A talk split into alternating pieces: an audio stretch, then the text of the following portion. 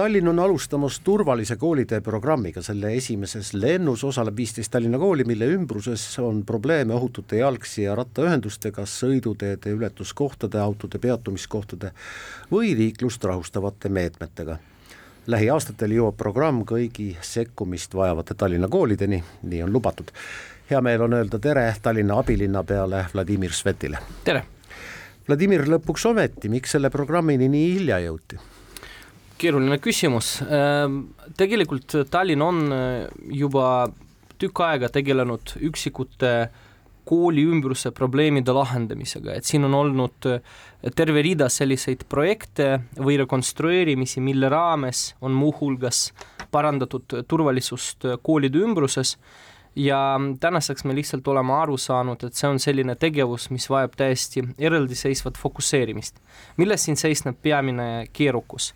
meil on kokku viiskümmend kaheksa ainult üldhariduskooli, rääkimata muudest äh, haridusasutustest.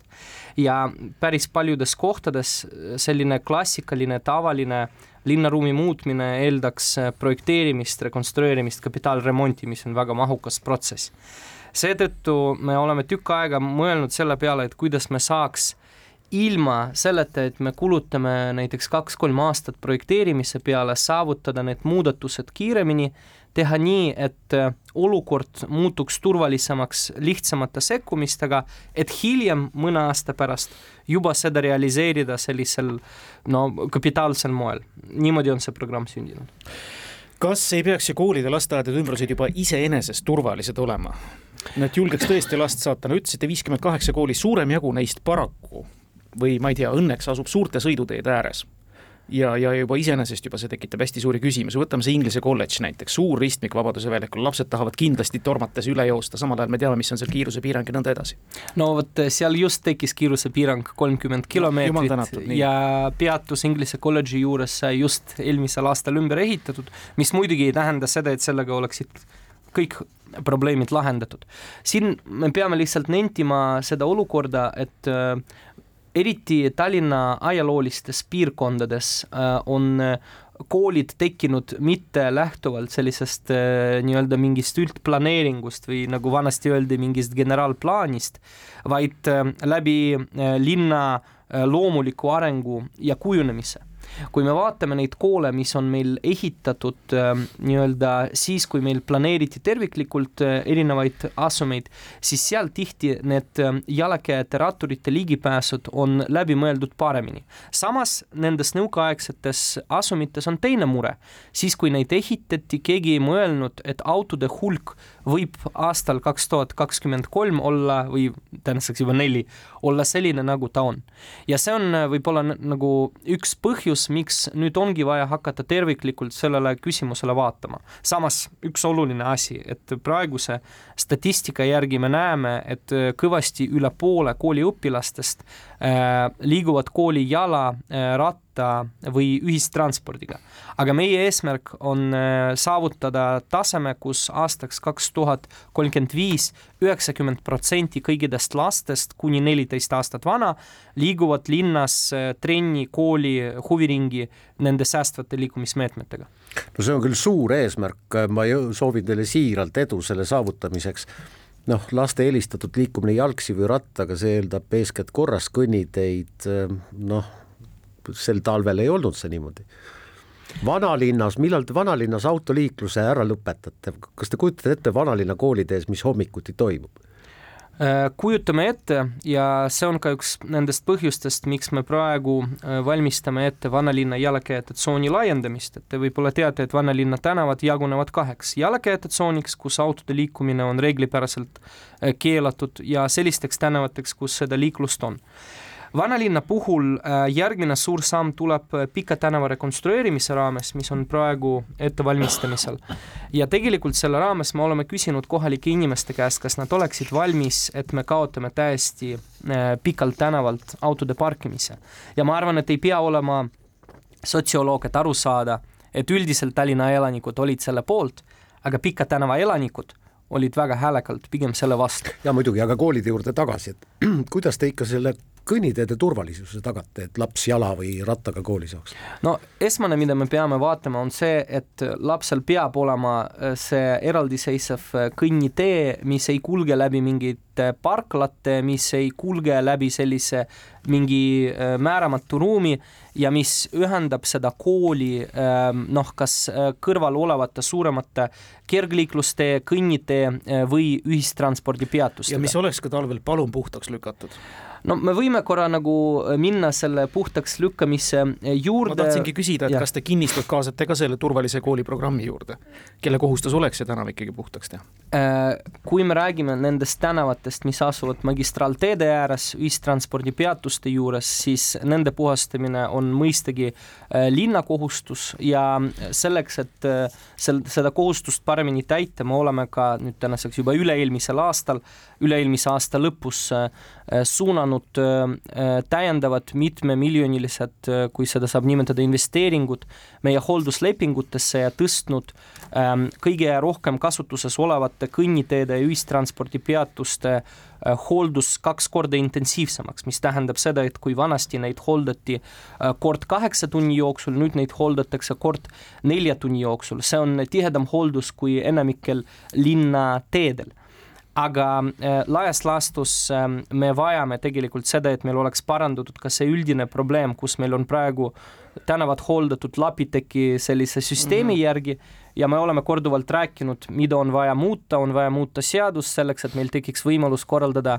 asumipõhised hanked, kus meil oleks leitav üks ja sama partner terve, tervele piirkonnale, kellega sõlmiksid lepingud kinnistute omanikud ja linn sarnaselt sellega, nagu see toimub prügiga vabandust, Vladimir, kuidas on taimekastide abiga võimalus kooli ümbrus turvalisemaks muuta? Ähm, see võib-olla kõlab natuke üllatavalt, aga äh, tihti, kui me tahame näiteks äh, suunata autosid äh, mõnelt väiksemalt teelt eemale. Kui me tahame vältida seda, et mõned ähm, agarad autojuhid ronivad oma autodega kõnniteele või mõned kullarautod valivad äh, viieks või kümneks minutiks äh, seismiseks just äh, kõnnitee ruumi autotee ruumi asemel, siis mõnikord äh, taimekastid sobivad selleks äh, ka päris hästi, lisaks tavalistele postidele või betoonistuvidele, millega me kõik oleme harjunud. ja meie lähenemine on selline, et kui äh, linnaruumi laius ühes või teises kohas seda lubab, siis me püüame mitte panna neid poste, sest me teame, et inimestele postid ei meeldi, poste niidetakse aeg-ajalt maha, eriti lumisel ajal neid ei ole võib-olla nii hästi märgata, eriti hoovialadel ja seetõttu kohati eh, haljastuskonteinerid on isegi parem viis liikluse rahustamiseks ja reguleerimiseks. mille alusel te need programmi esimest viisteist kooli välja valisite? Eh, põhimõte oli tegelikult väga lihtne, me paku-, pakkusime kõikidele ja need, kes eh, esimesena huvi üles näitasid, et neid me võtsime sisse. siin on meie lähenemine selline, et on väga lihtne rääkida sellest küsimusest, kui me käsitlesime, käsitleme seda kui laste turvalisust. aga kui me hakkame jõudma väga konkreetsete koolideni ja hakkame rääkima sellest, et siin lapsevanemad peavad oma lapsi jätma nelisada meetrit sellest kooli sissepääsust eemale, siin me peame Äh, võib-olla likvideerima mingid parkimiskohad. Äh, siin me peame muutma liiklusskeemi, et keegi võib-olla peab äh, sõitma natuke pikemalt. kõik need küsimused alati tekitavad neid kohalikke, ütleme niimoodi, arutelusid või kohalikke noh, mõnikord ka isegi konflikte erinevate liiklejate vahel. ja me saame aru, et selleks, et nende muudatustega edasi liikuda, et nad ei tuleks inimestele vastu karva, kõige olulisem on see, mis me vajame, on kooli enda tahtmine. seega ma tahan tegelikult suure tänu öelda kõikidele nendele kooli juhtkondadele, kes olid nõus programmi sisenema, see protsess on keerulisem, kui ta pealtnäha paistab, aga lõppkokkuvõttes ta on lihtsam, kui meist enamus arvab. no tahaks loota, mida konkreetselt näiteks kahekümne esimese ehk Raua tänava kooli ümbruse turvalisemaks tegemisega ette saab, see paikneb väga keeruliste ristmike lähedal, ümberkaudsed tänavad on seal kogu aeg remondis niikuinii. ja, ja liikluskorraldus ikkagi päris pillapalla, nii. Inglise kolledž samamoodi. ja eks ole. ja neid koole on veel. ja ma muidugi nagu ütlen, et mina veel ise ei tea täpselt, mida hakatakse ühe või teise kooli juures tegema, et see programm nüüd alles algab, mille raames meil kes, Keskkonna Kommunaalameti avalik avaliku äh, ruumi kavandamise juht Liina-Liis Pihu juhtimisel, mitmed eksperdid, spetsialistid, ka väljaspool kaasatud spetsialistid koos selle kooliperega hakkavad seda äh, linnaruumi seal uurima ja lahendusi pakkuma. noh, universaalne asi on muidugi kiiruse allavõtmine, universaalne asi on kõnniteedelt ähm, nagu autode äraviimine, juhul kui nad peaksid seal mingil põhjusel olema. kahekümne esimese kooli juures see muidugi ei ole tõenäoliselt case, seal on pigem küsimus selles, äh, kuidas tagada seda, et see ülekäik, mis on üle Raua tänava kahekümne esimesel koolil, kuidas see oleks garanteeritult sajaprotsendiliselt alati autodest vaba, et kui lapsed tahavad üle tee minna, et nad ei peaks muretsema, et mõni auto seal ülekäigurajal peatub. Ehm, me näeme tegelikult, et valgusfoor seda alati ei taga ja kui te kujutate ette, et teil on ülekäigurada täpselt selle kooli äh, sissepääsu ees, siis arvata, et lapsed hakkavad alati ootama, kui on tee pool tühi ja ma tuletan meelde, et Raua tänav on tänav, kus tegelikult ühistranspordi ei sõida ja sellel on suur koormus peamiselt hommikul ja õhtul.